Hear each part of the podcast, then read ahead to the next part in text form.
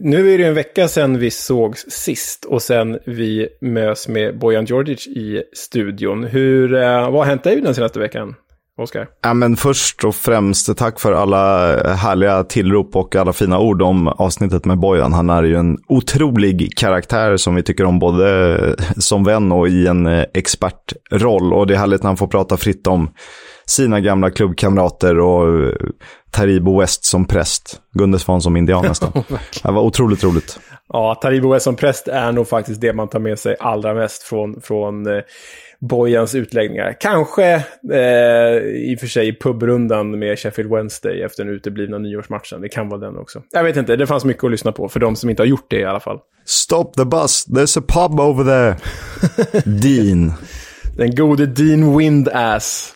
Honom borde vi ha som gäst någon gång. Kan bli stökigt. Vi har ju en annan gäst den här veckan. Jag tycker att vi låter det hållas, men vi kan säga att personen i fråga är boende i eh, London, eller precis utanför London, eller Londonområdet och eh, har rätt bra koll på fotboll till vardags.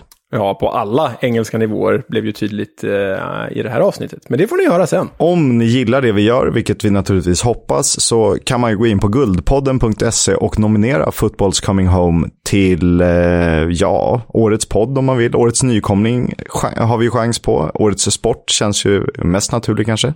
Ja, synd att det inte fanns en eh, kategori för eh, årets podd om eh, lågdivisionsfotboll. För där tror jag att vi verkligen haft en bra chans. Nej, men eh, för att vara ärliga, Eh, eh, gillar ni det vi gör så, så gå in och rösta där. För det mår vi bra av. Och mår vi bra, då kan vi förhoppningsvis göra bättre content till, och innehåll till er som faktiskt lyssnar. Så eh, stötta oss så eh, pratar vi i era öron framöver. Så är det. Och vi, vi finns numera också på Instagram som EFL-podden, eh, där det kommer dyka upp eh, ett och annat roligt. Eh, och ni följer oss säkert redan på Twitter. EFL-podden gäller där också.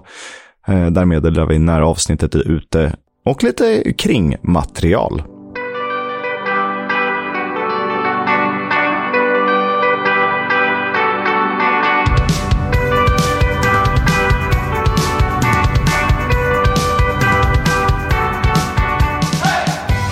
Du lyssnar på Footballs Coming Home, en podd om Championship, League 1 och League 2 och ibland lite non-League fotboll. Jag heter Oskar Kisk och i mina öron har jag, som alltid, Leonard Jägerskiöld Welander. Jag var lite osäker på om du skulle säga namnet eller jag skulle säga det, men det är jag. Jag är med. Vad härligt. Som vanligt. Hur, eh, hur är känslan? Ja, men känslan är ju Eh, lika uppeppad som urlakad. Jag kommer ju från den här, det är ju alltid den här kontrasten för mig när det är Champions League-omgång. Jobbar med Champions League tisdag, onsdag, plöjer Championship-resultat och highlights på, på natten till torsdag. Och sen så sitter jag här med dig igen, så det, det är både högt och lågt och båda är bra på olika sätt. Men oavsett så är det väldigt glädjande att få prata Championship ytterligare en vecka. För det har hänt grejer och eh, som vi brukar så tar vi helgen som gick först och sen tar vi veckoomgången. Och jag tänker att eh, Leo, du kan väl eh, inleda med att prata lite om eh, vad som hände i helgen? Ja, det var ju en eh, ganska speciell helg. För det var ju en klassisk Derby Weekend. Och då menar vi ju då inte Derby på Pride Park med Wayne Rooney och alla hans, ja, hans banditer till rövargäng. Utan det var ju en helg smetad med derbyn. Eller smetad och smetad, tre derbyn i alla fall. Och det är väl de vi fokuserar på när vi spolar tillbaka ett par dagar. Först ut, på fredagen var ju West Midlands-derbyt mellan West Bromwich Albion och Birmingham. Eh, den här sneglade jag på i alla fall. Jag hade den på i bakgrunden i, i fredags kväll. Eh, såg du den här, Kisk? Eh, jag såg inte den. Eh, jag har eh, catchat up kring den, vad som har hänt och kikat lite i alla fall. Och det var Carlan Grant som var huvudperson igen. Ja, igen. Han, jag har ju, du har ju stöttat honom hela vägen. Jag har ju varit lite ifrågasättande till hans förmåga som striker och avslutare. Men han, han är ju där uppe i skytteligatoppen. Och att han då avgör det här derbyt med matchens enda mål, det är ju lika bra för honom som det är för West Brom. Och om man tittar på matchen som jag gjorde då med ett öga, så dominerade ju eh, VBA bollinnehavet, föga oväntat. Men Birmingham, som på pappret är i en sinnessjukt usel form, de var inte dåliga. Chanser hade de lika många som West Bromwich, men de låg ju på kontringar istället. Men fick inte utdelning, de brände för mycket. Birmingham brände alldeles för mycket.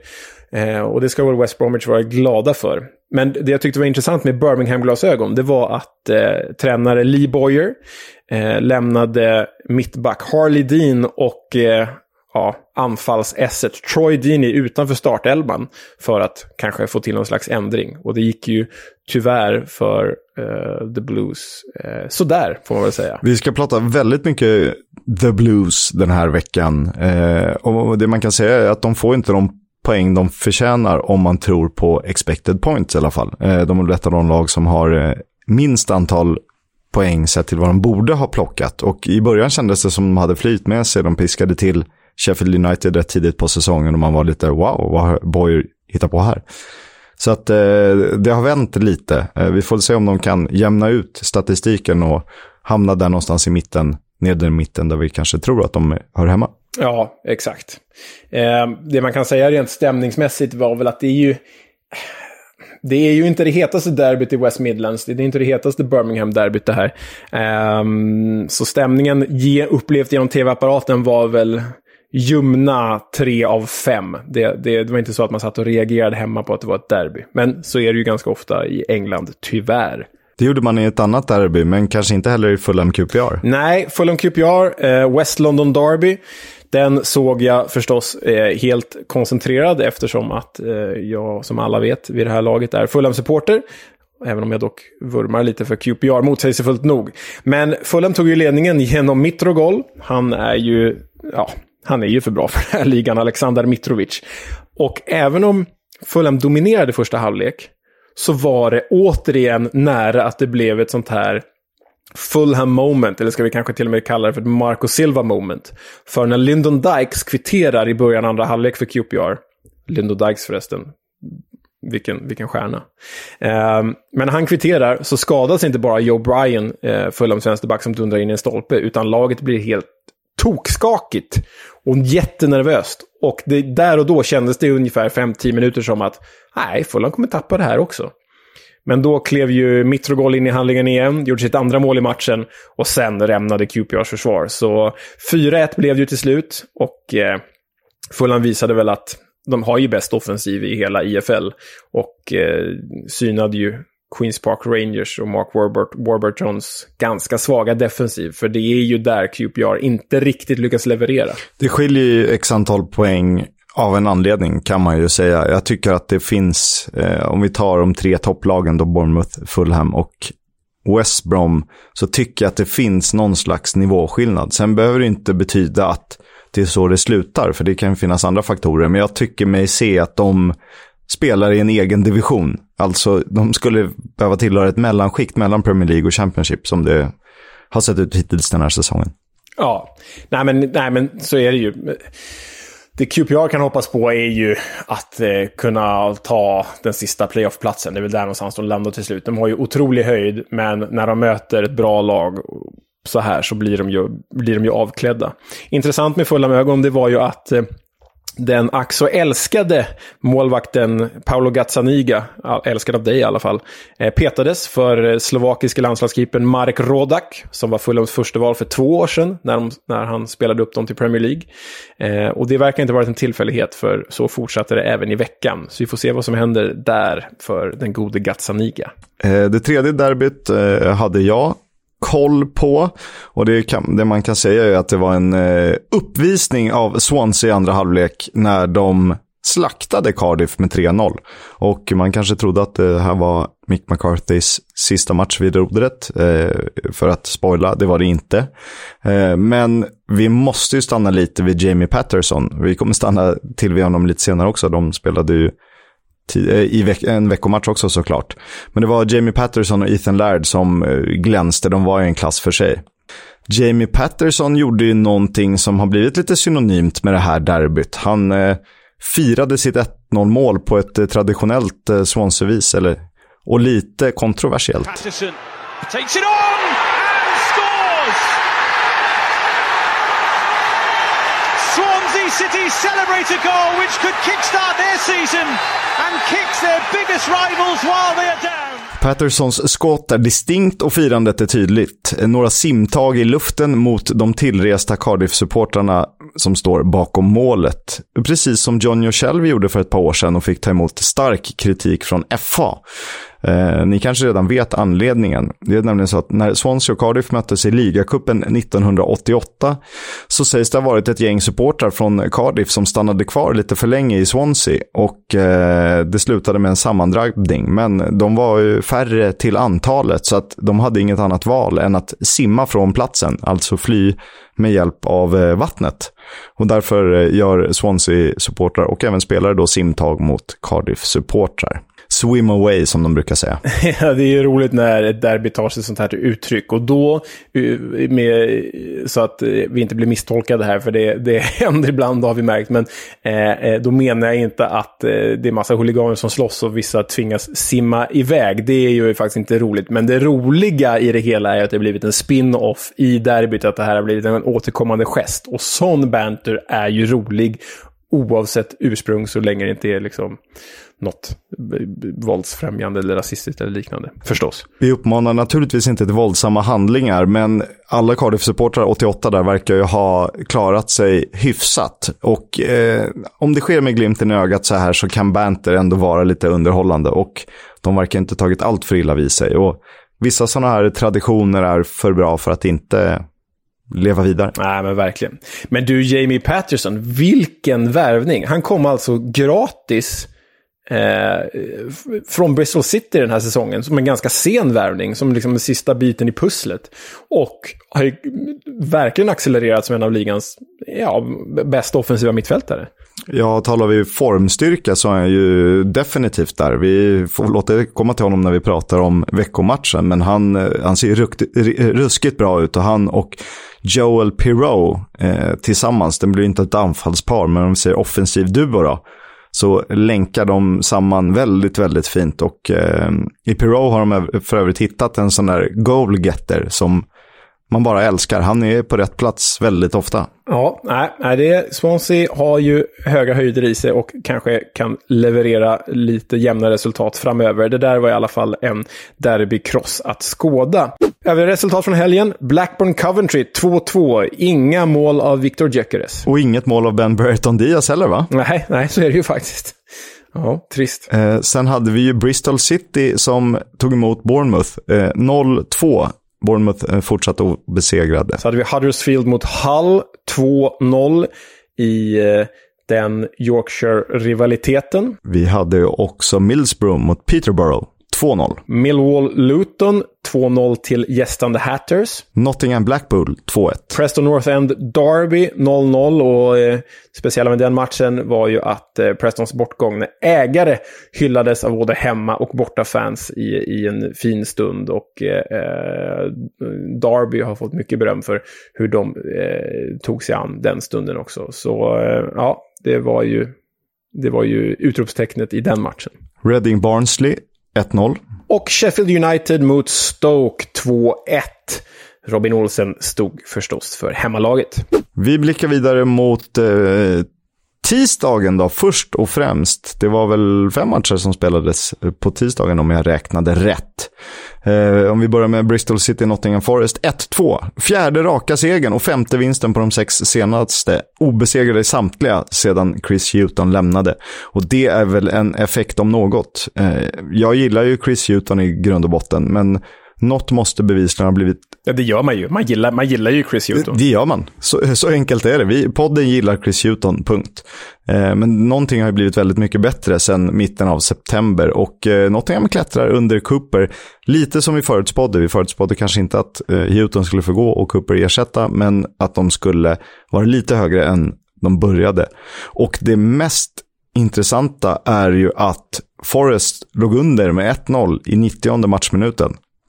Och två mål på stopptid av Lyle Taylor i en alldeles fantastisk rosa frisyr. Det är ju en, eh, det är en välgörenhetsgrej. Det är därför han, de kör väl någon Pink October va? Ja, ja det gör de. Exakt, det gör de. Eh, det, eh, det, jag hittade på Twitter, jag tycker det, det, är nästan för bra för att vi inte ska köra ut det. Men det finns ju så här, klubb, klubbarna kommenterar ju ofta sina egna matcher. De har ju så egna partiska kommentatorer. Och jag hittade det klippet när Nottingham Forest avgör då med, med 2-1 på, på stopptid. Och jag tycker vi kan lyssna på hur det lät, för det, det var härligt. Corner of the box, curls one, oh! good save, falls for Taylor, Taylor scores! Oh my word! Taylor's tucked it in!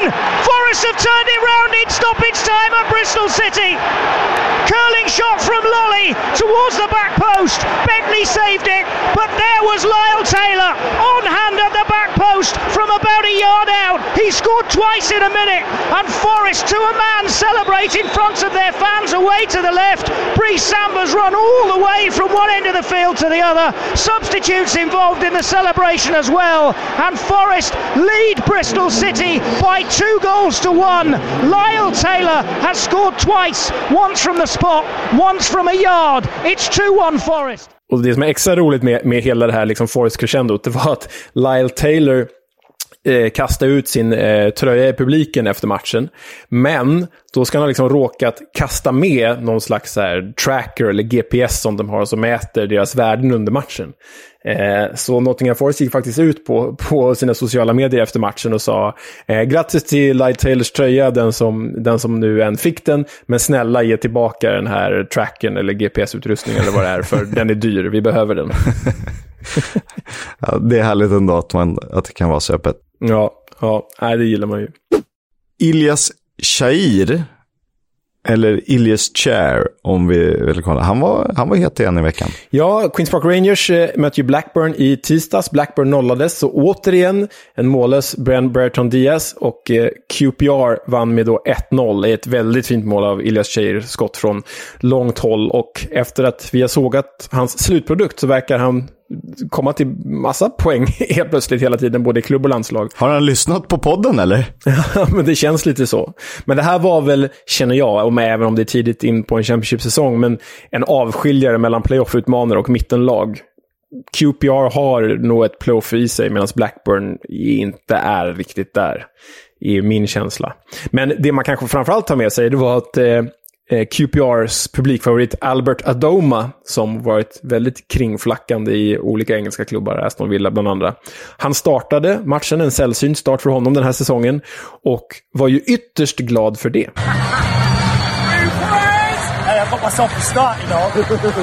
ja, jag vet inte vad du säger Kiss, men jag tycker det är härligt när man har en sån här liksom, fotbollsmässig halvfigur som fansen ändå älskar bara för att han är en gogamäng. Liksom. Ja, eh, det var ju, nu kommer jag inte ihåg vilka de mötte pinsamt nog, men de spelade väl ligacupen eh, typ augusti-september där någon gång eh, och vann en match på straffar. Och det var, eh, det var nog mot Leighton Orient förresten. Eh, för att jag minns minnebilden av arenan, jag känner igen den för att jag har varit där. Eh, men han sätter sista straffen, eller avgörande straffen, och springer upp och firar med publiken. Han står liksom i borta följet och firar med händerna utsträckta. Och det är en fin grej bara. Jag gillar, eh, jag gillar supportrar, eller spelare som vågar vara supportrar. Lex Pontus Jansson. Ja, men verkligen. Mer, mer Pontus Jansson och Albert Adoma till folket helt enkelt. Så är det. Och eh, Stoke förlorade hemma mot Bournemouth. Det blev 0-1. Eh, jag kikade på den matchen, tyckte att Bournemouth ändå hade hyfsad eh, kontroll på något sätt. Trots eh, stolpträff och några chanser för hemmalaget. Och eh, det börjar bli läge att lyfta på hatten för Scott Parker eh, som byggt en Championship-maskin. Det är alltså nio segrar och fyra kryss på 13 matcher. Det är riktigt, riktigt starkt. Eh, så tajt spelschema. Dominic Solanke, målskytt igen, hans åttonde för säsongen, så att han skuggar ju tillsammans med Swift och Pirou strax bakom Gyökeres på tredje plats i skytteligan.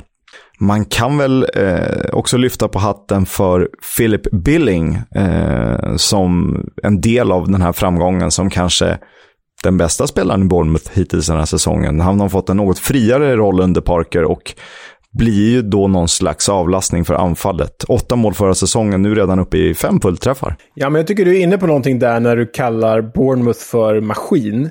För de leder ju liksom, eh, hyfsat överlägset med, med så här tidiga mått mätt.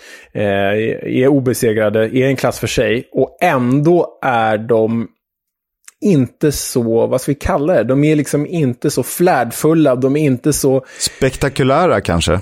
De är inte så spektakulära, exakt. Det är verkligen en maskin. De gör sina resultat med det väldigt habila och stabila manskap som de har. Många spelare är goda nog för Premier League. Men ingen spelare sticker ut som att så här, wow, vilken häftig figur det här är som jag vet inte, Nick Powell eller Alexander Mitrovic eller, eller Elias Chair, utan det är verkligen ja, men, trygga leverantörer av bra spel. Det är vad Bournemouth är just nu. De har ju rätt fin målskillnad. Framförallt är de enda laget med, eh, som inte har dubbla siffror i antal insläppta mål. De har bara släppt in åtta mål på 13 matcher. Vet du vilka som har släppt in näst minst antal mål i The Championship den här säsongen? Näst minst antal mål? Uff, alltså det kan ju typ vara... Derby spelar ju snart. Jag säger Derby, bara för att chansa. Det är Derby. De har släppt in 10 mål på 13 matcher. Förvisso bara gjort 9. Ja, ja men det, det, det, är väl, det är väl liksom framgångsmodellen för det där gänget. Det får nog, de får nog spela ganska snålt. Exakt så. Derby eh, spelade också, om vi kliver vidare, 2-2 eh, hemma mot Luton. Icke att förakta. Nej, nej, men Derby fortsätter ju att leverera utifrån sina förutsättningar. Sen hade vi då Sheffield United Millwall. Robin Olsen stod i mål igen, fick släppa två kassar bakom sig och eh, till sin förvåning kanske bara se hemma, hans egna gäng, då hemmalaget, bara göra ett mål. Så Millwall borta slog Robin Olsens Sheffield United med 2-1.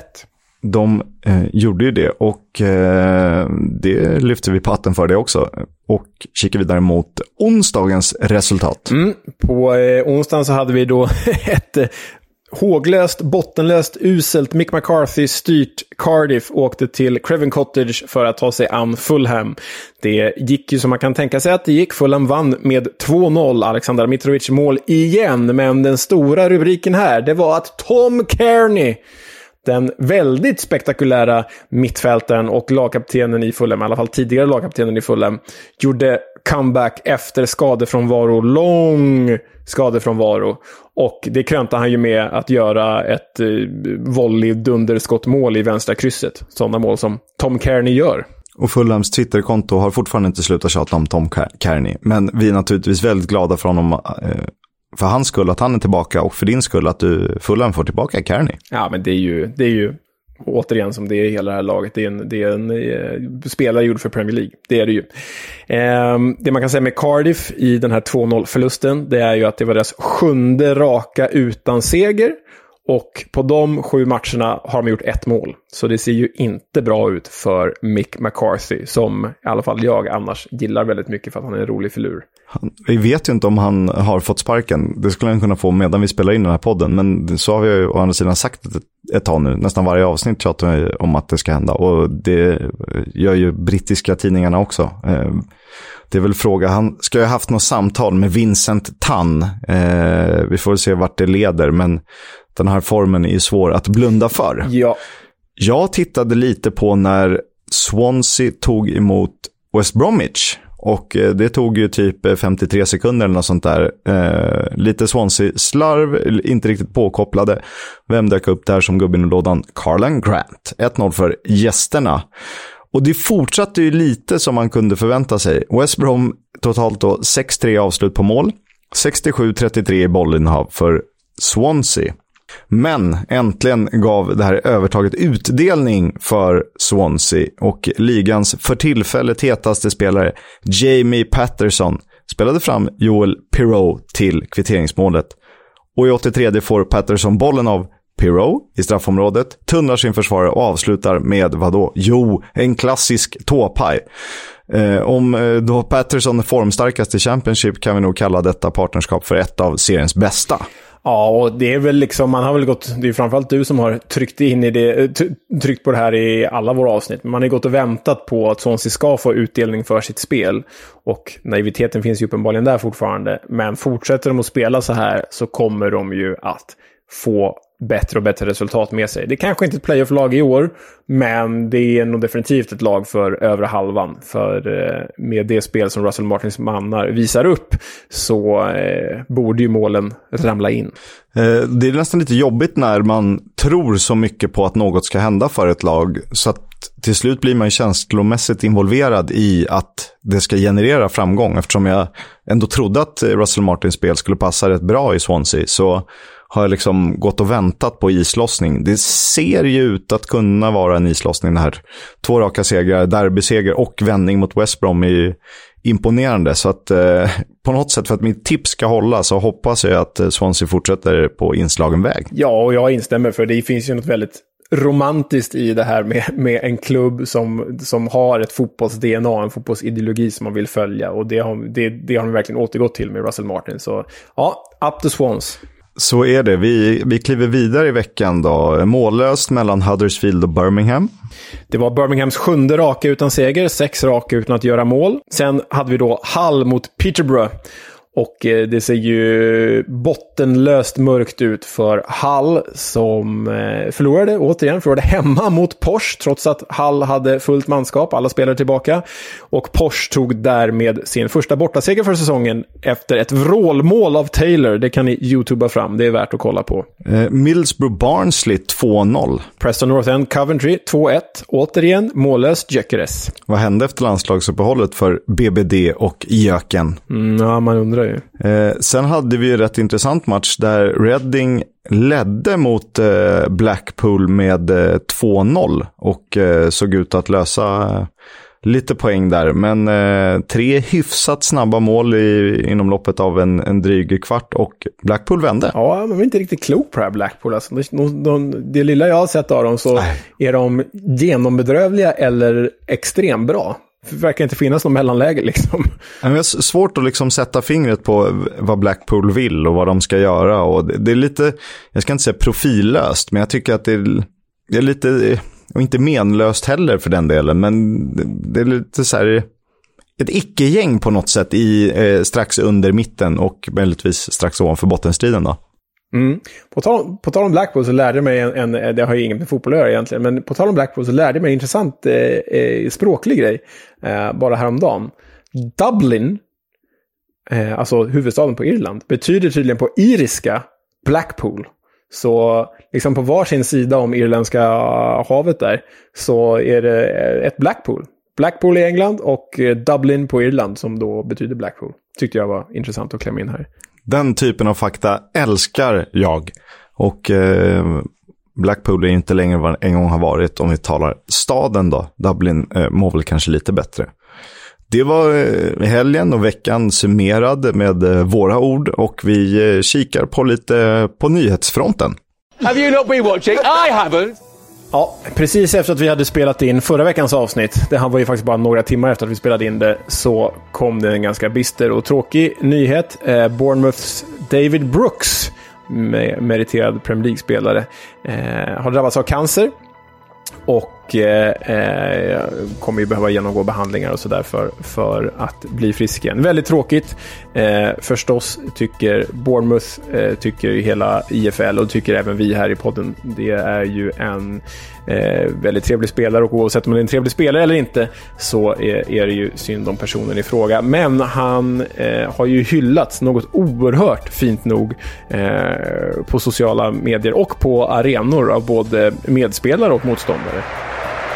And that's lovely to see. The entire ground, all four sides of Ashton Gate up and applauding for number seven Brooks in the seventh minute of the game. Well, it's given away cheaply there. And Bournemouth can be deadly on the break. Jack Stacey's making a good overlap, gets it, hits it first time, and Lowe's there! And the drought is over. Jamal Lowe's first start for the club, and it takes him just 21 minutes to get on the score sheet.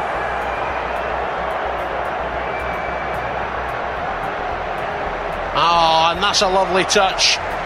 He's got a shirt of his teammates. That one's for you, Brooksy. I think that's the message from the entire Bournemouth team.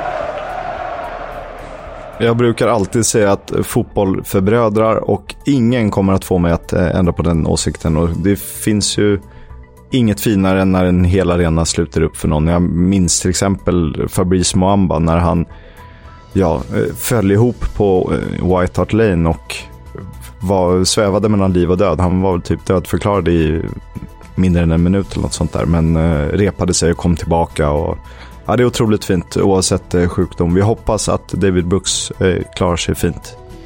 Ehm, vidare i Bournemouth så eh, presenterar de en värvning i, i veckan. Den ohyggligt vidunderlige, farlige vänsterfoten Robbie Brady är klar för Bournemouth. Det är en personlig favorit med bakgrund i både Burnley och Hull som jag känner aldrig riktigt har fått leverera på den nivå jag, jag, tror att han har i sig i alla fall, för han har varit så oerhört skadad. Men det här är ju alltså en wingback, yttermittfältare som kan, med god Premier League-rutin, som kan bidra till Bournemouths uppflyttningsjakt den här säsongen. Fostrad i eh, Manchester United och det är en fin fotbollsskola får man ändå säga. Verkligen. Eh, på tal om Manchester United, Wayne Rooney som då leder Derby och eh, gör vad han kan. Och hittills har, kan väl vi knappast klaga på att inleda säsongen med 13 A-truppspelare och ändå plocka poäng. Det är minuspoäng, men man är inte helt långt efter nästa lag. De har väl, hur många poäng de har upp till Hall? Nej, det är Barnsley som är näst sist. De har fyra poäng upp med 12 poängs avdrag. Det är bara att lyfta på hatten. Nu eh, kan han vara en kandidat för Newcastle United som under ledning av den saudiska prinsen bin Salman. Eh, vi har pratat om det tidigare i podden, eh, inga kommentarer om det här. Men eh, ja, intressant. Ja, framförallt vore det väl liksom intressant ur ett etiskt slash moraliskt perspektiv för Wayne Rooney som för några veckor sedan eh, hyllades av oss och hela fotbollsvärlden när han, när han eh, eh, pratade om sitt medlidande för eh, alla i Derby under den här eh, konkursförvaltningen. Det vore ju väldigt tråkigt ur ett sådant perspektiv om han skulle hamna i Newcastle, känner jag. Jag vill gärna att Rooney ska vara den här medlidsamma, symp sympatiska tränaren som han visade sig vara då för ett par veckor sedan. Det vore, skulle förändra min bild om han skrev på för Newcastle. Och som eh, sista nyhet så återknyter vi till veckomatchen Fulham mot Cardiff. Då, eh, eh, vi har ju redan pratat om att Mick McCarthy hänger väldigt löst i Cardiff. Chris Wilder, den forne Sheffield United-tränaren, satt på Craven Cottage läktare och eh, ryktena florerar, florerar nu om att Chris Wilder ska bli ny Cardiff-tränare. Det sägs också att eh, Vincent Towns representanter eh, var på plats, eh, både på eh, derbyt förra helgen och på fulla matchen i veckan. Och de är inte alltid på plats. Eh, och de ska tydligen ha adresserat spelarna och eh, även en del supportrar som de ska ha träffat på någon buss och sagt att en ny tränare är på ingång. Så eh, ja, det är nog vad Cardiff behöver. Eh, det är väl kul att få Wilder tillbaka. Tråkigt om Mick McCarthy försvinner. Eh, roligt ändå att supportrarna på bussen fick reda på det bland de första då. Men eh, så funkar det med med bondskurkar vid rodrätt. Låt oss eh, blicka framåt mot vad som komma skall. Exakt.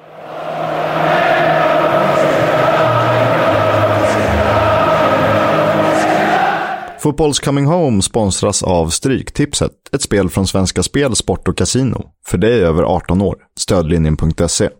Lördag 16.00, Birmingham Swansea. Och det här är lite intressant eftersom jag, det känns som jag tjatar mycket om Swansea. Men eh, så har det blivit. Och jag kommer tjata ännu mer om Birmingham. Och nu möts de alltså i helgen på eh, fina, fina St. Andrews. Eller ja, kanske inte alltid så fina St. Andrews. Eh, Birmingham City, som vi nämnde, är ett av de lag som har plockat färre poäng än vad de borde. Alltså, de borde ha eh, högre poäng än, eh, enligt expected points. Om man nu tror på sånt. Eh, alltså tungt med poängen för Lee Boyers gäng. Mot ett Swansea som kan ha fått islossning efter 3-0 hemma mot Cardiff i det laddade derbyt och vändningen då mot West Bromwich i veckan. De ser ut att ha prickat formen. Frågan är om de fortsätter på den inslagna vägen i helgen. Vad, vad har du i kikan, Leo? Nej, men det finns ju eh, ganska många trevliga matcher att se fram emot eh, den här helgen. Inte bara Birmingham Swansea som du lyfte. Jag känner ju att eh, West Brom mot bortastarka Bristol City kittlar. Men om jag ska välja ut en enda match, då väljer jag ändå Cardiff Middlesbrough. Sol Bamba-derbyt, eller Neil Warnock-derbyt om man så vill. Cardiff kanske med ny tränare, det får vi se. Men eh, bara de där ingredienserna, Sol Bamba och Neil Warnock, det kittlar tillräckligt för mig i alla fall. Derby de la Bamba. Och... Eh... Exakt. Och med det så har det blivit eh, dags för veckans klubb, The Club, eller vad segmentet nu heter. Kanske dags att döpa det. Eh, förra veckan fick ju Kisk uppdrag att eh, idag berätta om Birmingham City.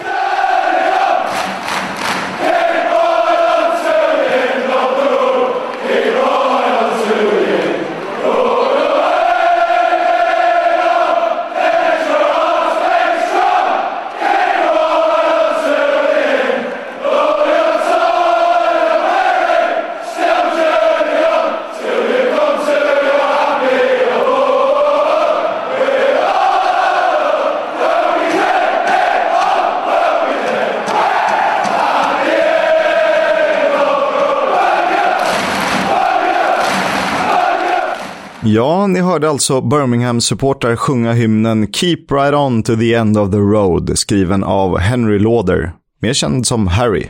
Lauder växte upp i extrem fattighet i Edinburgh och tvingades tidigt till arbete i kolgruvan. Väl där upptäcktes hans talang för att sjunga och underhålla och gav honom möjlighet att tävla lokalt med sin sång.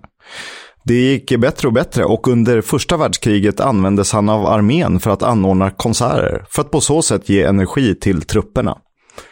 När hans egen son omkom i kriget och han fick höra hur sonen hade manat på sina kollegor då att carry on blev pappa Harry så stolt och rörd att han kände sig nödgad att skriva Keep right on to the end of the road.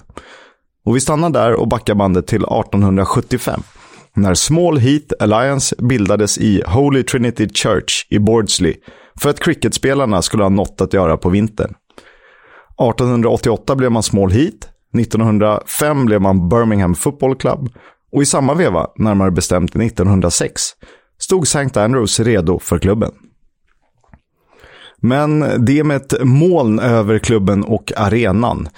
Resandefolket som bott på området sägs ha lagt en hundraårig förbannelse över klubben. Det verkar dock inte finnas bevis för att någon ska ha kunnat bo på platsen innan arenan byggdes. Men resultaten har väl å andra sidan aldrig riktigt gått Blues väg. Vi återkommer till det. Det, det talar för förbannelsen då alltså. Exakt, eh, så att någonting kanske ligger där och eh, det får vi lov att prata om om en liten stund. I februari 1939 slås publikrekord, som gäller än idag, när Birmingham möter Everton i FA-cupen. Problemet är bara att källorna är oense. Antingen är det 66 844 eller 67 341 som såg matchen på St. Andrews. Men vi säger i runda slängar 67 000. Andra världskriget blev tufft för arenan som attackerades med totalt 20 bomber och ena läktaren, som där och då användes som tillfällig brandstation, förstördes nästan helt och hållet i samband med det. Och det sägs att en brandman misstagit bensin för vatten och i ett släckningsförsök fått liksom hela läktaren att stå i lågor. Och inte ens en liten penna fanns kvar, enligt oh, rapporter. Gisses, alltså. Fan.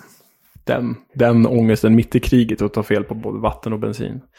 Ja. Det är eh, så att säga taskig timing. Ja, oh, shit. Eh, för er som inte känner till det, jag har inte full koll, jag har faktiskt aldrig varit i Birmingham, pinsamt nog, eh, så är St. Andrews beläget i Bordsley. Det är väl två kilometer öster om Birminghams stadskärna. Området är kanske mest känt för att Peaky Blinders spelades in där. Jag antar att de flesta av er har sett det. Och ungefär fyra kilometer nordväst ligger Villa Park i Aston då såklart. Och det är Birmingham City Football Clubs värsta rivaler. De har ju mötts med jämna mellanrum får man säga eftersom lagen inte alltid tillhört samma serie. Men eh, det gjorde de för två säsonger sedan. Kommer du ihåg det senaste mötet klubbarna emellan? Eh, det här är en sån fråga jag vill säga ja på, men jag säger nej för det gör jag inte. Eh, Jack Grealish spelade fortfarande i Aston Villa och han blir attackerad av en ensam Birmingham-supporter. Hur svarar han på det? Ja, det fanns bara ett sätt. Mm. Vi lyssnar.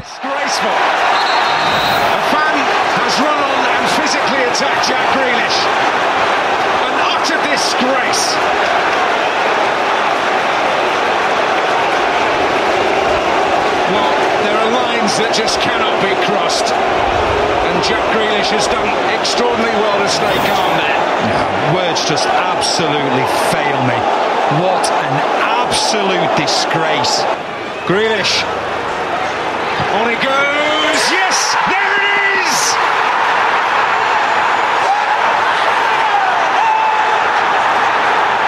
A sweet, sweet moment for Jack Grealish. What an answer that is. He took his time, Och hur ser det ut nu? Jo, Aston Villa gör det bra i Premier League och Birmingham går något svagare, svagare i Championship. Och nu har vi kommit till Second City Derby som det kallas. Det är alltså Englands andra stads hetaste derby. Man brukar väl säga så att det här är Birmingham-derbyt och West Brom Wolves är ett West Midlands-derby, men sen kan de ju möta varandra, ni fattar och så vidare. Men det här är väl ett, ändå ett liksom topp 10-derby i, i England, kanske topp 15, det beror på vem som får svara. Och jag har en liten fråga till dig, Leo. Jag vill att du nämner tre spelare eller managers som gått direkt mellan Birmingham och Aston Villa. Eller Aston Villa och Birmingham. Direkt mellan Aston Villa och Birmingham. Mm, Alex McLeish gick ju, alltså tränaren Alex McLeish då, gick ju från Birmingham till Villa. Rätt. Jag har för mig att han gjorde det när du och jag jobbade tillsammans på vår, hos vår förra arbetsgivare. 2010, 11, 12 där någon gång. Stämmer. Um, Alex McLeish. Sen ska jag få fram spelare i det här då. Um, jag, jag vet inte om de är bröder. Det skulle de kunna vara. De är väl bröder? Nej, jag vet inte. Men Craig och Gary Gardner säger jag. Rätt och rätt. Åh, oh, fan vad bra. Och sen... Eh, eller hur många ska jag klara? Ska jag klara tre? Ja, du har klarat det. Men du får säga hur många du vill. Ja, jag tror att jag faktiskt har en till i mig och det är Liam Ridgewell från Aston Villa till Birmingham. Applåder, applåder.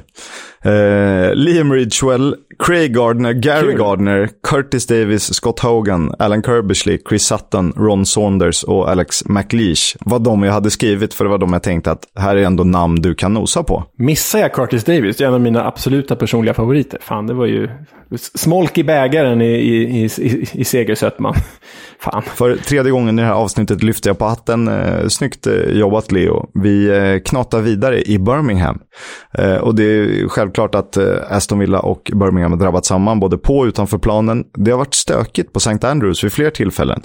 Och en av de mest uppmärksammade incidenterna det är, det är upploppet i samband med säsongsavslutningen mot Leeds 1985. Så pass allvarligt att en pojke fick sätta livet till när en vägg rasade över honom. Det här var alltså samma dag som branden på Valley Parade i Bradford. That there weren't any more deaths. In all 236 people were hurt. Only the timely and courageous intervention of the police keeping rival supporters apart prevented a disaster of Brussels proportions. Suggestions of extreme right-wing provocation are considered and dismissed by Popplewell, although he says National Front leaflets were found at the ground and Leeds fans chanted Nazi slogans. Popwell offers no instant solution to determined deliberate violence other than to match it with determined deliberate... Det här har vi ju pratat om i, i, i flera, flera av de eh, föregående avsnitten. Eh, Oliver Pop, Popplewell inledde ett arbete med att säkra arenor i England och sen fick ju Taylor Report fäste. Då blev kapaciteten på St. Andrews sänkt till 26 000 och man beslutade sig för att renovera arenan till en bättre standard. Det var ju faktiskt oundvikligt. Bara bryta in här. Det är ju något ofantligt deppigt över att den här stackars pojken som dog då säkert inte ens är ihågkommen utanför Birmingham eftersom att det var samma dag som branden på Valley Parade. Det, det blir liksom så ett extra djup av mörker i det hela. Exakt, och det var ju inte helt rumsrena ramsor som det tyvärr kunde vara på, på fotbollsarenor runt om i Europa vid den här tidpunkten. Som tur är har det, har det mesta av det, det den sorten försvunnit. Eh, som sagt, eh, bröderna Kumar ägde Birmingham City. De hade gjort sig en bra slant på kläder. Men banken BCCI föll och deras företag hamnade under konkursförvaltning. Året är 1992 och det finns inget annat än att göra att sälja deras 84% av aktierna i Birmingham City FC till Soft porn publisher David Sullivan has sunk a few million pounds of his vast fortune into the other love of his life, football.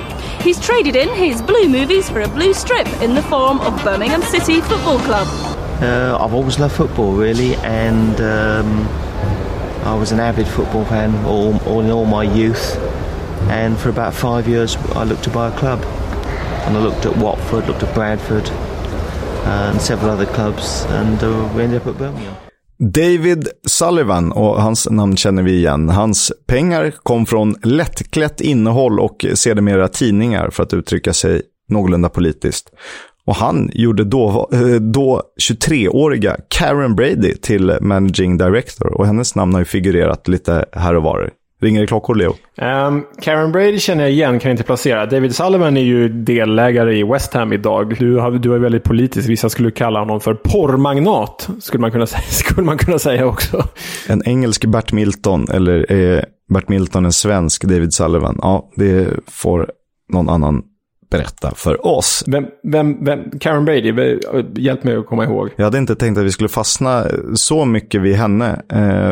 Eftersom, eh, men hon, hon jobbade som managing director och hon hade flera framstående positioner. Hon följde väl med, om vi får avbryta här då, David Sullivan och David Gold som ju också var liksom vd i, i Birmingham sedermera, eh, till West Ham på något sätt. Och har ju gjort mm. sig pengar genom olika typer av förvaltning och andra gig. Just det. Men Birmingham behövde förbättras. Spelet på planen haltade och även om man klarade sig kvar i andra divisionen den här säsongen som de klev in så eh, behövde också St. Andrews en rejäl upprustning. Sullivan berättar att han var i chock efter att ha sett arenans skick med egna ögon för första gången. Säsong nummer två slutade i fiasko och spel i tredje divisionen hägrade. Och det betydde att St. Andrews inte omfattades av Taylor Report eftersom det bara var de högsta två divisionernas arenor som, som var i fokus. Eh, du vet det här kravet på att hålla en viss standard med sittplatser och så vidare. De hade inget annat val än att ge den ett ansiktslyft. Birmingham gjorde omedelbar comeback i Division 1. Men därefter följde ett par tuffa år i andra divisionen innan man lyckades med konststycket att förlora tre raka playoff-semifinaler. Dessutom föll man i ligacupfinalen 2001 mot Liverpool. Och allt det här ledde ju mer eller mindre fram till att Trevor Francis, något av en ikon i Birmingham och en av deras stora spelare genom tiderna, han var ju alltså tränare där och då. Han klev av sitt uppdrag som manager i oktober 2001. Och då, i mitten av tabellen, med Steve Bruce vid rodret. Och ni fattar ju vartåt det barkar ostoppbar framgång och glädje, glädjerus i år efter år efter år. Up the Bruce. Exakt så är det. Och eh, vi stannar till vid en särskild händelse då. Birmingham mot Steve Bruce gamla klubb Norwich i playoff-final. Wembley. 71 597 åskådare. 0-0 efter 90 minuter. 1-1 efter förlängning. Straffar väntar. Darren Carter is the man who comes forward to take the 40 million pound kit. A baby. Bottled, isn't it? That is bottled. A mere baby when Birmingham City were last promoted to the top flight in 1985. A lifetime ago. Darren Carter for the Premiership.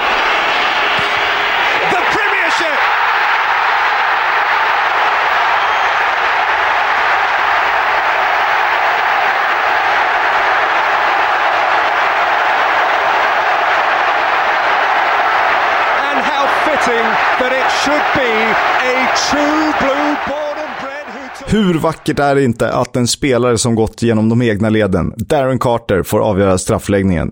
Birmingham är i och med det här tillbaka i finrummet för första gången på 16 år. Ja, det råder inga tvivel om att man vill satsa till Premier League. Man tar in spelare som Robbie Savage, Aliou Cissé och Clinton Morrison under sommaren och inledde faktiskt ganska starkt. Därefter tappar man lite fart och delvis på grund av skador och avstängningar. Och till januari inleder Bruce, Sullivan och Brady och company ja, en plan på förstärkning. Steven Clemens och Matt Upson värvas. Dessutom lånar man in Ferdinand Colli och... Horsfield. away from his man, has done so, powers into Dugarry! He's there again! Two goals in two!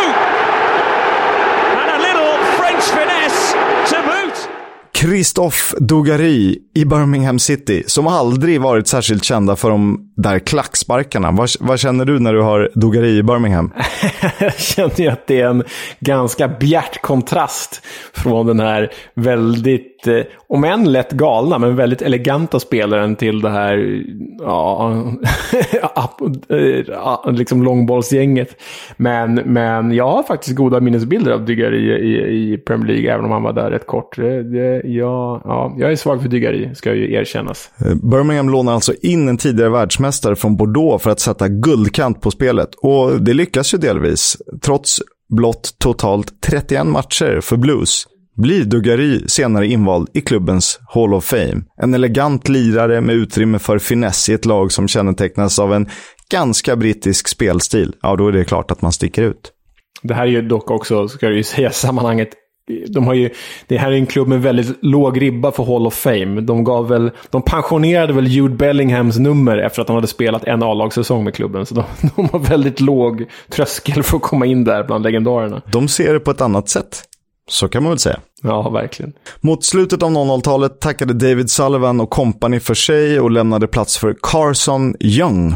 Han eh, greps sommaren 2011 och dömdes sedermera till ett längre fängelsestraff för pengatvätt. Men under hans presidentskap hann det trots allt blåsa lite positiva vindar. Och ni kommer ihåg den här förbannelsen som sägs ha legat över klubben ja, nästan hundra år. De eh, lyckades ju eh, spela lite Premier League och någonting. Och min bild av det är att när jag liksom fick ett riktigt intresse för engelsk fotboll så var, tillhörde de Premier League och man såg dem ändå som en kanske större klubb än vad de har visat på väldigt länge.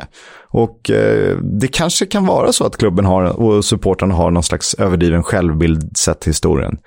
Sen är det så att det är bara 20 klubbar som haft fler säsonger i engelsk fotbolls finrum än Blues. Det har blivit två fa Cup-finaler och två ligacup-titlar för Birmingham. Den första kom i just ett derby. På den tiden ett dubbelmöte med Aston Villa 1963. Den andra har ni nog rätt bra koll på.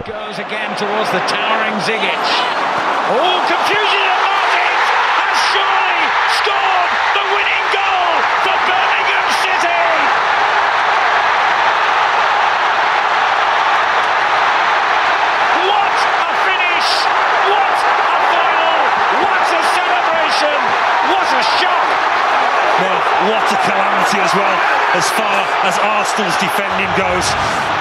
Chesney and Koscielny just getting each other's way. Nobody takes charge. When Ziggy heads it down, there's no danger whatsoever, is there? Between the two of them, where's the shout? He pulls out at the last minute, Koscielny. I don't think you can pull out there. Just put your boot through it, clear it, and ask questions later. You cannot afford to pull out. Mot alla odds avgör Birmingham ligacupfinalen mot Arsenal i 89 minuten. Och vilket gäng med profiler som får lyfta bucklan. Kapten Steven Carr, Ben Foster i mål, Sebastian Larsson till höger, Barry Ferguson, Craig Gardner, Lee Boyer centralt. Bänken, lika otrolig den. Stuart Parnaby, Jean Bossejour, Kevin Phillips, Cameron Jerome och Obafemi Martins, som du avgör, avgjorde. Men vem gjorde 1-0 målet för Birmingham Leo? Ska jag svara på det här? ja. Alltså vilket härligt jävla gäng. Man älskar ju alla de här liksom, rövargängen som skulle kunna motsvaras av att man har här, gått upp som nykomling själv på Football Manager och börjat plocka in massa gratisspelare. det är ju ett, det är ju ett sånt gäng ju. Det är svinhärligt. Exakt vad det är. Men 1-0 för Birmingham. Alltså jag har nog inget bättre i mig än att säga Emil Heskey. För han spelade väl där typ då. Så jag säger Emil Heskey. Ja, jag tänkte att det här var givet. För det här borde varit, jag vet inte om du jobbade med eh, leverantören av Premier League-sändningen tävlingarna då 2011? Det gjorde jag. Jag, jag, gjorde, jag gjorde den här finalen, men jag, jag, kommer inte, jag kommer inte ihåg vilka som gjorde mål. Inte alls. Om jag säger att han, han var inte britt, han var anfallare, han var lång. Nikola Zigic, ja, Nikola ja. Zigic är det ju. Vilket jävla anfallspar, Zigic och Oba Oba. ja, och så Cameron Jerome och Kevin Phillips, båda, alltså Cameron Jerome var ju för gammal då tänkte jag säga, det var inte riktigt, men Kevin Phillips måste väl närmat sig 35 eller kanske till och med 40 då. Vilket gäng. Ja, det, där, det gänget är lätt att romantisera, helt klart. Och det här är ju faktiskt inget dåligt Arsenal de möter. Vet, Clichy, Sanja på ytterbacken, Wilshire, Nasri på mittfältet, Arshavin, Rosicki på you know, friare roller och Robin van Persie på topp. Så att eh, skratta? Skratta bäst som skrattar sist. Verkligen så. Men om ni jämför de där två gängen så tar ju Birminghams Dasslocks-gäng varje dag, helt klart. Man tar ju alla lag med Steven Carr. Det är så enkelt. Verkligen. Det här är alltså 2011 och ungefär ett år tidigare flyttar en då 22-årig anfallstalang från Walsall, som ligger precis utanför Birmingham, till Watford. Han är fostrad att hålla på Birmingham City av sin styvfar. En styvfar som var lite av en legend i dubbel bemärkelse i närområdet. Fruktad av de flesta för sitt ganska aggressiva tillvägagångssätt gentemot andra, både vanliga människor och gangsters. Vilket tyvärr spillde över även på familjen och tvingade dem att leva under skyddad identitet senare. Den jag pratar om är Paul Anthony Burke, som levde tillsammans med Emma, mamma till Troy Dini. Det var ju faktiskt så att eh, en gång hämtade Burke upp Dini från en fotbollsträning i en eh, sprillans Mercedes. De stannar till vid en bensinmack och när bilen tystnar hör Troy Dini ljud från bakluckan. Där ligger alltså en knarklangare som var skyldig Burkes kompis pengar. Som var han, Burke. Mm. Men eh, pappan då, som Troy Dini väljer att kalla honom, hittade familjen trots hemlig adress och eh, misshandlade ju mamman och barnen vid flera tillfällen och eh, det är rätt tragisk eh, läsning. Trots det har Troy själv känslor kvar för pappan, det meddelar han, som var en del av Zulus, alltså Birminghams ökända firma. Burke tog med Troy Dini till St. Andrews som ung, när det var icke högriskmatcher ska tilläggas, och odlade ju den här livslånga kärleken till klubben. Så pass mycket att Dini har klubbmärket tatuerat på benet. Och när han inför säsongen äntligen skrev på för sitt blues skrev han följande på Instagram. We did it dad. This one is for you. Troy Dini skriver också om styvfadern i självbiografin Redemption, My Story. Jag vet att han älskade mig och jag älskar honom. Och majoriteten av tiden hade jag en fin uppväxt.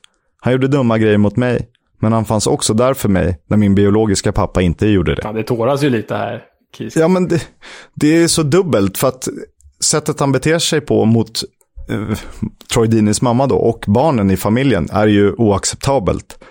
Samtidigt finns det något fint i att han ändå kan förlåta honom för vissa saker med tanke på att han ställde upp när ingen annan gjorde det. Ja, men det... Så att eh, för mig blir det väldigt dubbelt. Ja, det fina är ju... Det fina, så som jag tolkar det, det är Gudinis relation till sin pappa då, inom citationstecken. Och inte pappans relation till Dini, utan vad Dini faktiskt kände för honom oavsett vad han gjorde. Ja, den här Troy Dini fortsätter att växa på mig. Man kanske ska läsa den där självbiografin. Ja, och läser man, jag läste utdrag ur boken, då, då förstår man att han själv har hamnat i trubbel där och då. Men i grund och botten verkar Troy Dini vara en väldigt, väldigt fin människa. Eh, så som man ser på det. Och det är ju större att förlåta än att inte göra det. Så att jag väljer att se det från den ljusa sidan. Om han kallar honom pappa, då får väl vi också lov att göra det. Men jag tycker vi glider över till något lite roligare. Man ska alltid avsluta på topp. Och eh, ja, det här klippet får ju tala för sig själv och så får vi kommentera det efteråt. Varsågoda. Substitution for Club Bruges. Replacing number 13, Victor Vasquez. Number 8, Ligor Refilov. Substitution for Club Bruges. Replacing number 20, Tibor Van Number three, Michael Aumbach.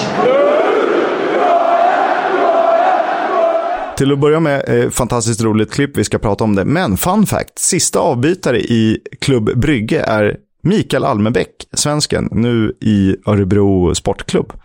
Vad, går du igång på Who are ya? Ja, men det gör man väl. Man kan väl inte göra något annat. Det här är ju, är inte det här banter nedkokat till liksom den perfekta nivån. Jo, jo, jo, jo verkligen. Äh, men Huaria ska ju premieras. Vi har ju faktiskt till och med filat på ett segment som skulle kunna heta Huaria. Men om det får vi återkomma en annan gång. Det får vi. Och det var Birmingham City FC från mig. Ja, men jättefint. Krisk som vanligt. Um, jag skulle vilja fastna här innan vi går vidare till nästa grej i avsnittet bara. Tycker det är så intressant när att liksom fråga folk var deras fotbollssympatier ligger i olika eh, rivaliteter. Och om vi stannar här i Birmingham-fotbollen, eller West Midlands-fotbollen. Vilken klubb av Birmingham, Aston Villa, Wolves, West Bromwich och Walsall vilken klubb av de fem skulle du välja? Vilken klubb av dem skulle du gå och kolla på om du flyttade till Birmingham imorgon? Vilket hade varit ditt gäng? Eh, jag väljer bort Wolves direkt. Eh, det gör jag. Eh, och Walsall det är klart att det är lite mindre, det blir visst charmigare och de har väl den här otroligt vackra svalan i sitt emblem. Eh, men de ryker också. Jag väljer ju mellan Birmingham och West Brom, eh, det ska jag erkänna.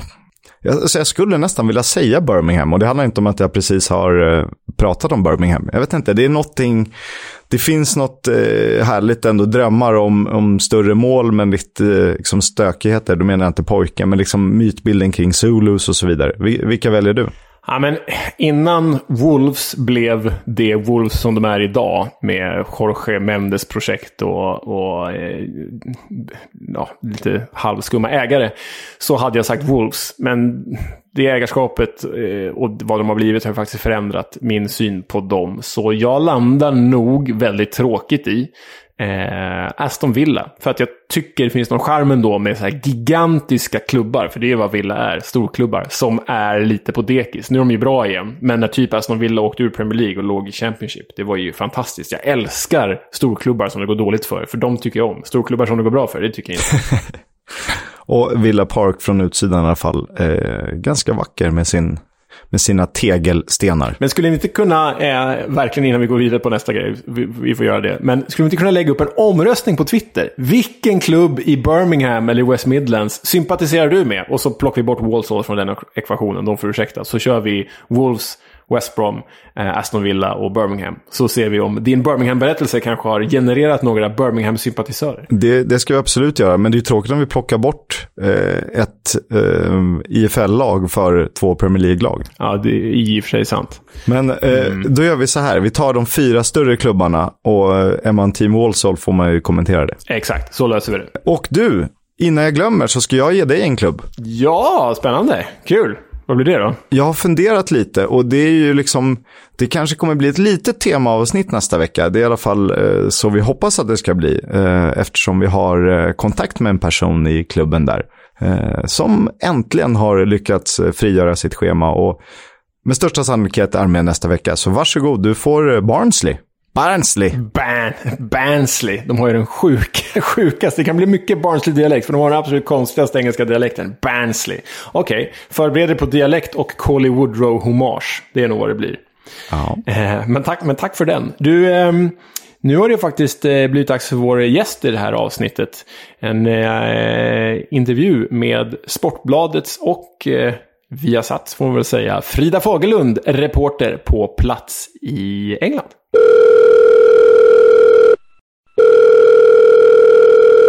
Frida Fagerlund, Londonkorre för Aftonbladet. Hur eh, mår du? Jag mår bra tack. Det är fullt upp denna veckan med eh, Chelsea mot eh, Malmö och sen Premier League igen till helgen. Men det njuter jag bara av. Det är kul när det är mycket på gång. Malmö på besök i den engelska huvudstaden. Alltså inte en vanlig vecka. Hur, hur ser en, annars en vanlig vecka ut för dig? Ja, det är väldigt olika. Jag har några stående grejer eller punkter som jag gör varje vecka, bland annat då för Sportbladet.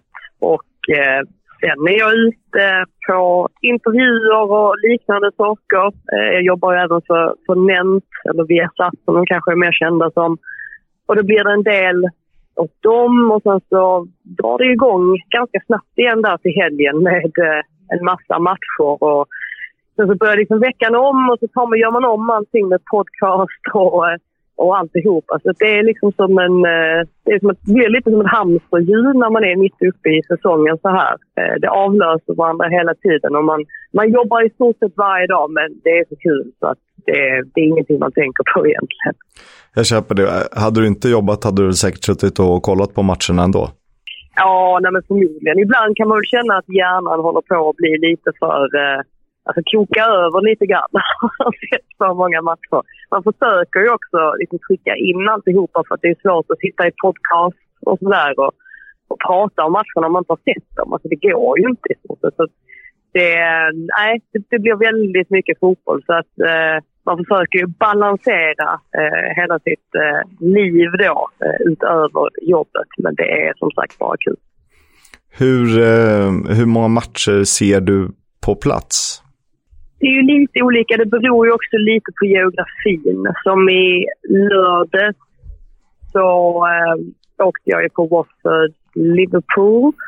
Och eh, sen hade jag ju teoretiskt sett kunnat gå på Brentford Chelsea men valde att inte göra det för jag tänkte att nah, det, det kommer ändå bli kommer ändå bli lite tajt. Eh, men annars så, det är väl klart att man kan ju eh, trycka in tre matcher. Det är ju Arsenal i måndags där mot Crystal Palace. Och sen matcher på söndag. Så att, ja, men i snitt kanske tre i veckan då. Om man inkluderar då andra turneringar också. Så att det, det, finns ju, det blir ju väldigt mycket. Eh, ibland är det lite svårt att välja också. Åker man ut till Manchester, då är det klart, då går det ju en hel dag åt det och sådär. Men det finns ju eh, det finns ju matcher att välja på, så att säga, här i, i alla olika ligor dessutom. Det gör ju det. Lustigt att du nämner alla möjliga ligor. Jag gissar att det blir mest fokus för, för dig då på Premier League och kanske ännu mer på, på svenskarna. Hur mycket Championship League 1 och League 2 bevakar du? Eh, men inte, det är klart att Victor Gyökeres nu när han går så bra i, i Coventry så är det klart att man försöker följa honom. Man ser ju till att följa hela härvan kring Derby, alltså alla stora stories. Robin Olsson såklart eh, håller man ju också koll på. Så att det blir väl, precis som du var inne på där, väldigt mycket svensk fokus i Championship. Men det är klart att man önskar att man hade ännu mer tid att lägga på ja, med League 1 och League 2 för det finns så många bra stories där. När jag var och besökte Forest Green Rovers för något år sedan här i, i eh, som är ju en liten, liten speciell klubb och spelar ju fortfarande i League 2 även om de har varit nära att gå upp flera gånger. Ehm, så att jag, jag älskar att komma ut på landsbygden och, och möta de här klubbarna och, och se de matcherna. Jag, jag skulle nog säga att den, den ligan och den fotbollen som jag kollar mest på utöver Premier League är förmodligen non-League. Ehm, går och ser en hel del eh, Kingstonian Eh, som är ett lag som eh, ja, huserar i den södra delen av London. Så att det blir egentligen mer, mer non-League än, än någonting annat utöver Premier League. Men det är klart att man alltid försöker eh, hålla sig uppdaterad om vad som pågår i de andra ligorna. Den riktiga, riktiga engelska fotbollen non-league alltså. Berätta lite kort om Kingstonia. Jag antar att du bor i närheten och det är smidigt geografiskt för dig att se dem. Ja, jag har lite andra kopplingar. Det är, det är, min, eh, det är min kille som är väldigt eh, engagerad i Kingstonien och åker i stort sett på alla matcher, vilket ju är eh, otroligt hängivet. Men man förstår varför, för att det är så fruktansvärt kul. Det finns ju en sån härlig stämning kring någon lik fotboll, alltså rolig, alltså banter. Alltså det, det finns en sorts um, ja, men underhållningsfaktor som är ganska hög och just det här att man skämtar väldigt mycket och att eh, supportrarna eh, skämtar med varandra. Och fotbo fotbollen är väl inte den är, inte, den är inte bländande men den är samtidigt inte usel heller. Det är ju det som är så intressant här att du kan ju spela non-league liksom fotboll och ändå tjäna ganska bra med pengar. Så det finns ju pengar som är oerhört långt ner i, i seriesystemet. Och det går ganska bra för dem den här säsongen. De ligger, jag tror de ligger tvåa nu i och för sig. De tappar någon ledning här för några dagar sedan eh, på övertid. Men eh, det är alltid kul att och gå och se dem, inte minst derbyt mot eh, Corinthians som är eh, alltså höjdpunkten för alla eh, under året. Eh, den var jag och såg här för någon månad sedan också. Så att, nej, man älskar ju verkligen engelsk support, supporterkultur. Det är väl många som glömmer det kanske. Jag tänker svenskar då. Eh, om man inte är riktigt insatt så, tror man kanske att det är bara, alltså engelsk fotboll det är bara Premier League och plastiga supportrar numera. Men det finns ett mycket, mycket större djup i England kring fotbollen och det, det är det jag älskar otroligt mycket. Och det är ju delvis av den anledningen vi gör podden för att det finns så många lag och så mycket historier att berätta och så mycket supportskap längre ner när liksom, det har blivit en klassresa och Premier League har blivit en turistattraktion snarare än eh, någonting annat. Även om det, det såklart är fantastiskt att kolla eh, Premier League-derbyn och allt. Eh, där. Hur kommer det sig att din kille gillar Kingstonian? Han kanske, är han från England? Ja, precis. Han är född och uppvuxen i, i området. Jag, jag antar väl att han inte valde direkt. Det är väl ofta så att man har ett, eh, man har ett lite, lite större lag, alltså som Arsenal eller Chelsea eller liknande. Och sen så har man ett lag i de lägre divisionerna. Och det är ju därför det är så viktigt för dem att fortfarande behålla den här grejen med att man inte kan se klockan tre matcherna här eh, på lördagar. Det är ju för att de ska få folk att fortsätta gå på de här mindre matcherna. Så att jag kan ju tycka, även om det väl eh, kan verka konstigt att man kan se alla matcher i andra länder som i Sverige och sådär, så kan jag ändå förstå varför man fortfarande har kvar den regeln. För att det är trots allt viktigt att man fortsätter locka folk till de matcherna också, till de klubbarna, så att de tjänar pengar. Självklart är det så. Du nämnde Forest Green Rovers som, för er som inte känner till det, anses vara världens grönaste fotbollsklubb. Berätta om ditt intryck av dem.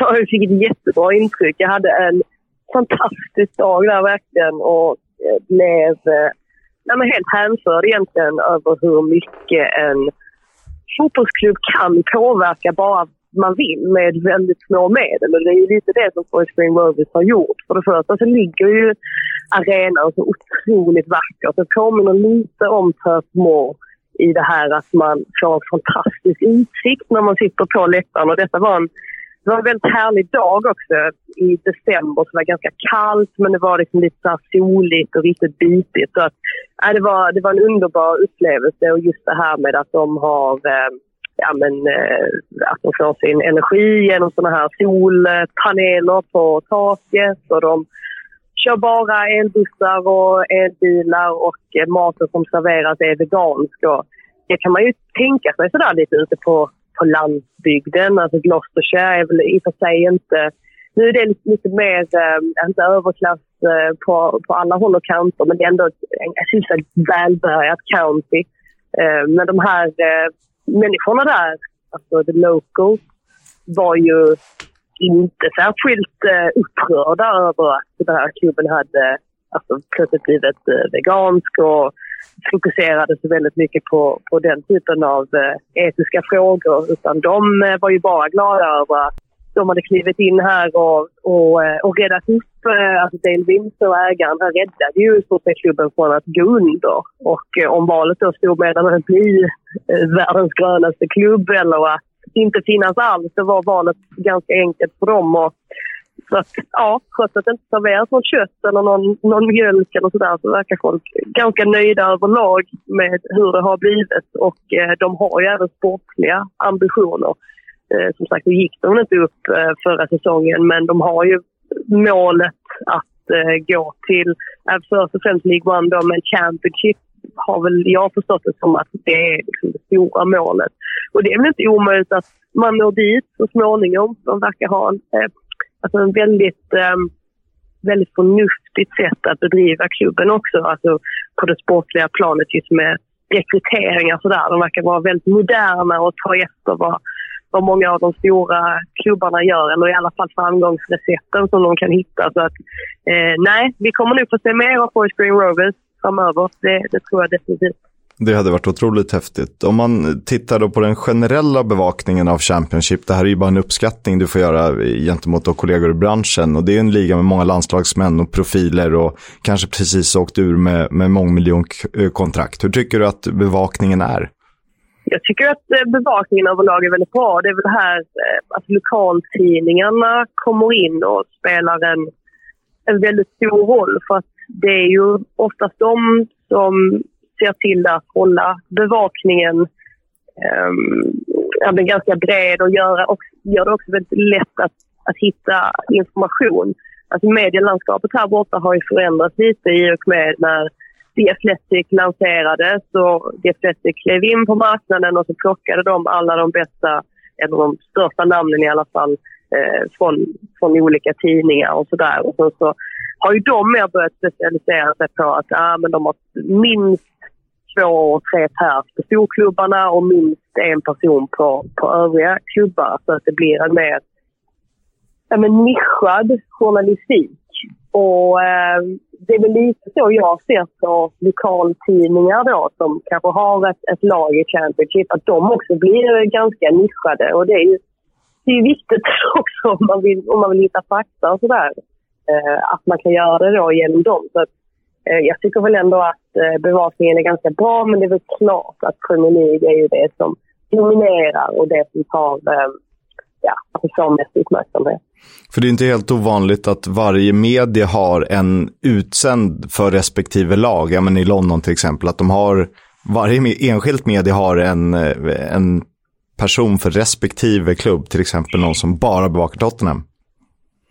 Ja, alltså undantaget är ju alltså, de, eh, tabloiderna då de brukar eh, mixa upp det lite så att där kan man se några av dem på både på Arsenal och Chelsea eller till och med uppe i Man- Manchester eller träffa någon när jag var nu i, i Paris på eh, PSG Manchester City också. Så att de, de alternerar lite. Men däremot de flesta sajterna som The Athletic och Goal och Eh, Football London är också en, en väldigt stor eh, sajt. De har dedikerade journalister och reportrar. Jag tycker inte att det är en sån... Det är ingen dum idé då. Det är klart att det finns...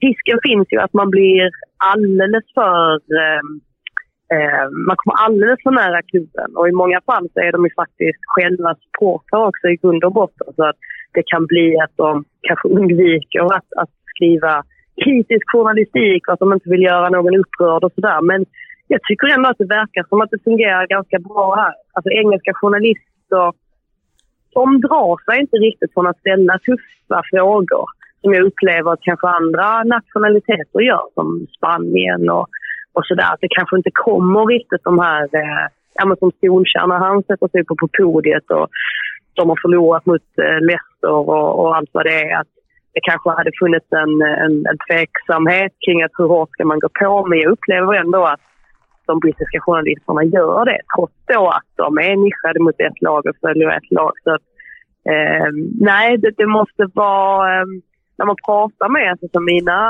vänner då, som bevakar ett enda lag och när man samtalar med dem så kan de ju säga liksom att till slut kanske man blir lite trött på det. Det hade varit skönt att kunna, kunna variera sig och följa något annat lag. Men samtidigt så får de så oerhört mycket kunskap om just det här laget och de vet ju allting. Så att det tror jag också är en, en otrolig styrka.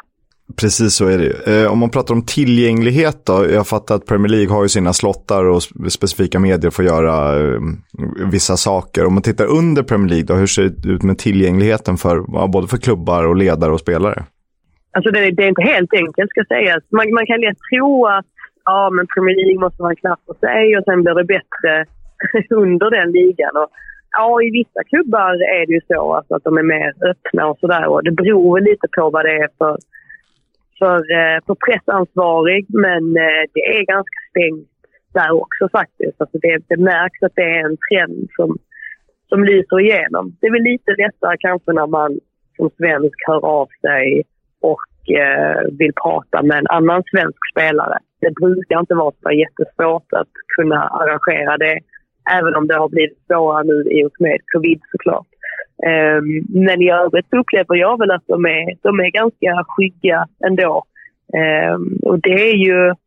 Ja, alltså, vi diskuterade faktiskt det häromdagen senast att om vi tänker Premier League-klubbarna så jag kan på något sätt ändå förstå varför de inte öppnar upp som, ja, som typ allsvenskan gör. Att de gör det enklare för journalister att prata med deras spelare och ledare och sådär de har inte så mycket att tjäna på det. Alltså särskilt storklubbarna då. De, det är inte som att deras existens eh, hänger på att vi journalister skriver en massa om dem. Men tänker man klubbar lägre ner i divisionerna som då Championship och, och League One och, och League Two. De har väl lite mer att tjäna på det.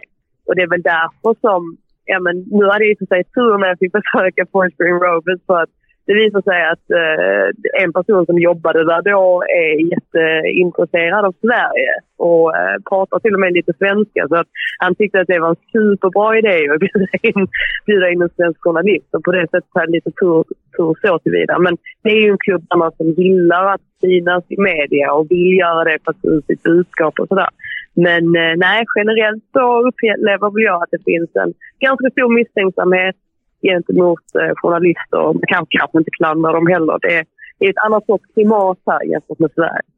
Ja, och eh, nu ska jag inte säga att internet har blivit stort över en natt, men nu är det så himla lätt för, ja, det räcker med att en svensk spelare säger någonting i vår podd som kan feltolkas, det blir en artikel och så är hela cirkusen igång. Ja. Det är väl så jag har förstått, därför de har lagt lite locket på i, även i lägre divisioner. Då. Ja, de gillar väl också att kunna kontrollera vad som kommer ut, alltså via sina egna kanaler. Eh, och det är väl klart att har de då sin, sin egen hemsida och de liksom kan styra exakt vad, vilka intervjuer som kommer ut och hur eh, citaten skrivs ut och sådär så ja, det är svårt ändå att vara alltför upprörd över att de då väljer att göra på det sättet. Vi hade ju ett eh, ett exempel nu senast med ja, men Ole Gunnar Solskjaer som sa det här om att Marcus Rashford borde fokusera på fotbollen. och då, då, eller, då fick, ja det blev ju stora rubriker då eftersom att många antog att han syftade på alltså alla samhällskamper som Rashford har tagit nu de senaste åren. Men det var väl helt enkelt att, och det hörde man väl också när, när det sattes i kontext, att det, det misstolkades helt enkelt. Det var eh, väl inte riktigt så Solskjaer hade menat utan han syftade mer på, på skadorna och sådär. Att, att eh, det skulle bli skönt för Rashford att fokusera på fotbollen. Så att det är ju ett exempel på när det faktiskt kan felciteras. Eh, så att ja, det är väl därför de, de vill kontrollera det också så mycket som möjligt. Till viss del får man köpa det. Vi, vi försökte få med en svensk spelare som eh, jag inte tänker namnge, eh, som spelar under Premier League eh, och klubbens mediepersoner. Med, det här var ungefär en månad sedan meddelade att eh, han är nåbar 2022. Det tyckte jag var lite roligt faktiskt. Nåbar 2022? Ja, de, de är ju väldigt noga med att, just det här med att skydda unga spelare också. Det gillar de ju, eh, gillar de ju oerhört mycket att göra. Ja. Återigen, man kan kanske förstå det, men ibland kan man ju tycka att det blir lite, lite löjligt också. Man kikar då på fotbollsupplevelser det och London specifikt. Och det är tre eh, renodlade Londonlag i Championship, Fulham, QPR och Millwall. Och så har du två i League One, Charlton och Wimbledon. Om man liksom på något sätt ska sätta dem i paritet med klubbarna i Premier League, inte trupper eller ekonomi eller sådär, men bevakning och intresse och stämning på stan när de, när de spelar. Går det att göra det på något enkelt sätt? Ja, det går nog att göra om, om du bor i, i de delarna av staden. Um, som jag, jag bodde i, um, alltså när jag bodde här första vändan så bodde jag i Charlton precis bredvid The Valley. Och då var det klart att man kände av stämningen och ja, men hela den här grejen med att alla var ju tvungna att flytta sina bilar på gatorna för att, eh, ja, för risk att eh, någonting kunde ske eller sådär. Och eh, så där, där kan man ju känna av det. I övrigt är det väl sån tuff konkurrens också eh, just från de här storklubbarna. Det är ju, det är ju Arsenal och Chelsea som dominerar och sen så ser man ju lite, lite folk med Tottenham-tröjor här och var. Så att det är ju fortfarande de som, som syns mest. Men det är väl klart att de här mindre klubbarna i Championship och League One, de är ju fortfarande viktiga för väldigt många människor eh, som, som är väldigt hängivna, hängivna de klubbarna. Eh, när det gäller svenska spelare, förr kunde man ju liksom, det var ändå någon slags adelsmärke med typ, jag tänker Mattias Svensson, Martin Pringle, Jonas Virmola, eh, när de värvades till England. Hur, hur ser engelsmännen på svenska spelare idag? Ja, alltså tråkigt nog så har vi inte så många svenskar som, ja, men det är ju, det vet vi ju alla ju, att det är ju Victor Lindelöf egentligen som, som liksom är den den, eh, ja, den, den stora svensken här just nu. Och sen så är det ju egentligen Alexander Isak som pratar mest om. Och synen på svenska spelare är väl egentligen ganska gammaldags. Jag pratade ju med Tuchel igår på hans presskonferens här inför mötet med Malmö. Och det är ju ganska slående ändå hur, eh, när de ska beskriva skandinaviska lag och svenska lag då specifikt, så, så handlar det om att det här med de, de, eh, de tänker utanför boxen, de har bra attityd, de är alltid väldigt självsäkra. Eh, det, det, känns lite grann som att det är så samma gamla klyschor som har upprepats de, de senaste 50 åren egentligen. Så jag tror inte att synen på, på svenska har förändrats så mycket. Jag tror definitivt att Zlatan Ibrahimovic är ju i en kategori för sig. Eh, alltså han, han, är ju, han är ju svensk på ett så oerhört osvenskt vis och han banade ju vägen för någonting nytt, alltså en ny typ av, av fotbollskaraktär. Så att, eh, han kan nog inte riktigt räknas in i den här eh, mallen för hur jag tror att många engelsmän tror att, eh, att svenska spelare är. Frida Fagerlund, vilket, det är lätt att säga, jag vet hur, hur, eh, hur tufft det kan vara att vara journalist ibland, men vilket på pappret drömjobb hon har i alla fall, det får man ju verkligen tillstå. Ja, supersympatisk, eh, väldigt påläst och kunnig och, och rolig. Jag gillar ju det här när, när man får eh, lite story från någon som har varit och sett Forest Green Rovers eh, på plats och inte bara har sin mediebild tillgänglig. Som vi ibland kan ha, eh, och så får det vara också. Och härliga Kingstonian Ja, men alltså den här insikten om hur, hur svårt det faktiskt är med tillgängligheten i, i England, även om man kliver ner en eller två divisioner från Premier League, det är för en journalist som, som man själv ändå är, så är det lite en skrämmande utveckling att höra. Men det blir också liksom, det blir ju lite komiskt när mindre klubbar, och som vi själva råkat ut för i, i den här podden, när mindre klubbar anser sig ha, ha, ha ja men så här, stå över media på något sätt. Alltså det är en sak att, nu säger jag bara exempel här, men det är en sak att Manchester United inte behöver tacka ja till varenda intervju för att de är ju så, ett sånt globalt varumärke. Men när klubbar som typ, jag vet inte, det här är bara ett exempel jag hittar på nu, men typ Oldham eller, eller eh, Salford, när de börjar tacka nej till intervjuer, då tänker man så här, vad fan, vad håller ni på med? Ni, ni behöver ju faktiskt synas. Ja, men jag tänker också, eh, samhället ser lite annorlunda ut än för 20 år sedan och Oldham kanske fyller sin arena, Salford också, och det finns massor med klubbar som nästan har fullbelagt på varje match. Men det finns ju också något som heter tröjförsäljning, typ en sån grej som att eh, Newport släppte sin Burberry-inspirerade tröja med Gold Looking Chain som en eh, konstig kille i Stockholm köper. Ja, det är alltså jag eh, som pratar om mig själv i tredje person. Men bara en sån sak. Och det är, de kommer inte tjäna några miljoner på att eh, vi två köper några tröjor. Eller kanske ni andra lyssnare. Men jag tror att det är så man måste tänka om man vill eh, bygga brand. Och det finns ju, Forest Green Rovers har ju sitt tänk. Veganskt och eh, miljöcertifierat och världens grönaste klubb. Eko, ekogänget. Och jag tror att det är nog rätt bra att specialisera sig på, liksom, ja, Newport kör sina sköna tröj-collabs. Eh, hur kan man nå ut för att liksom nå bredare? Sen är ju Sverige inte prime-marknad, jag tänker snarare liksom världen, Europa. Ja, men alltså, både du och jag uppskattar ju verkligen och föredrar ju det här det, det, lokala och regionala. Men man är ju liksom direkt dum som fotbollsklubb, fotbollsförening och, och i, i förlängningen företag om man inte förstår värdet av att synas i andra länder och därmed på andra marknader. Ja, men det är ju på samma ämne som Frida säger, eh, det här med eh, tillgängligheten, att klubbarna själva vill kontrollera sin egen media. Det är ju på ett sätt förståeligt, för då vet du precis vilka frågor som kommer ut och det kan bli väldigt fel. Det har vi sett i, i Sverige och på alla ställen egentligen. Men det kommer ju, det blir nästan diktatoriskt på sikt om det bara är klubbarnas egna kanaler som gör innehåll.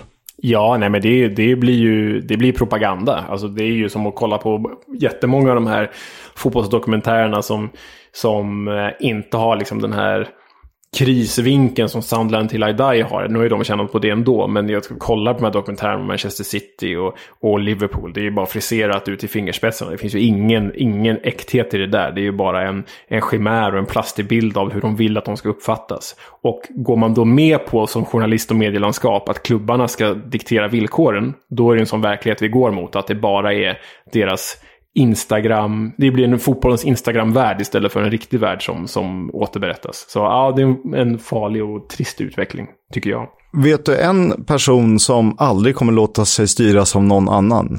Han är manager i ett Championship-lag, han är helt otrolig, han är ju poddens favorit. Så för att göra den här övergången snygg så säger vi hej till mannen som har en egen propagandamaskin, en egen mediamegafon. Han heter eh, Neil Warnock och han är huvudperson i vårt favoritsegment, Veckans Warnock. Have a chat about the fucking game. About your game, last few months, last few weeks. Fucking character.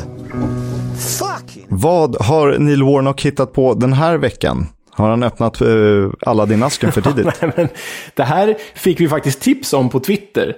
Eh, från presskonferensen inför matchen de hade i helgen. Ja, han öppnar väl Aladdin-asken för tidigt. Det är väl exakt det han gör. Och Kristoffer eh, Larsson, som han heter, eh, Up the Borough, har han skrivit i sin Twitter-bio. Tack eh, för eh, klippet. Och eh, ni får väl lyssna själva och så kommenterar vi det efter. I, I, I was look, I was watching Forrest Gump last night. Mark. You know, I mean, you see that one of tourist films? And he said, uh, I thought just like myself, it's like, my team is like a box of chocolates. You never know what you're going to get. You've got an empty box of chocolates. Yeah, it's. Uh, so I thought, well, it's instead of instead of life is like a box of chocolates, it's my team. Man kan ju inte annat än att stanna vid Box of chocolates. Box of chocolates.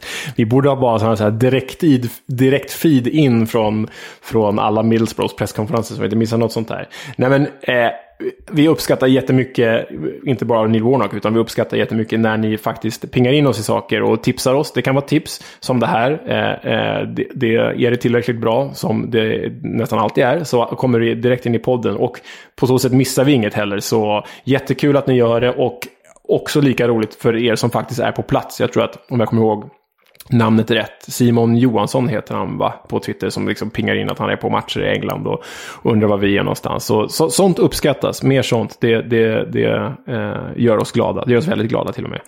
Det gör oss väldigt, väldigt glada. Du Leo, eh, tack för att eh, du var med mig idag. Du, tack själv. Jag vill bara passa på att säga en sak om cirkelslutning nu när vi stänger det här avsnittet. Men eh, första gången jag eh, hörde talas om vår eh, gäst, Frida Fagerlund, idag, det var när hon och jag var med i samma podd våren 2016. Det här är ju länge sedan, det är ju fem och ett halvt år sedan. Men samma podd, våren 2016, eh, när eh, en viss Kevin Bader, alltså producent och redigerare och klippare till våra avsnitt här, när han hörde av sig till både Frida Fagerlund och mig och bad oss vara med i hans podd eh, Klacken. Eh, så det tyckte jag var roligt, jag tyckte det var lite cirkelslutningar. Liksom. Nu är vi på samma ställe igen, Kevin, eh, Frida och jag. Jag tyckte det var lite roligt. Det är härligt när cirklar sluts. Eh, tack Frida, tack Leo, tack Stryktipset som är med och sponsrar vecka in och vecka ut. Och tack till alla er som lyssnar. Ni får gärna nominera guldpodden.se. Upptäckta vägar, de han tar. När det regnar kallt och ibland när kampen leder ända fram. Då ses vi på lördag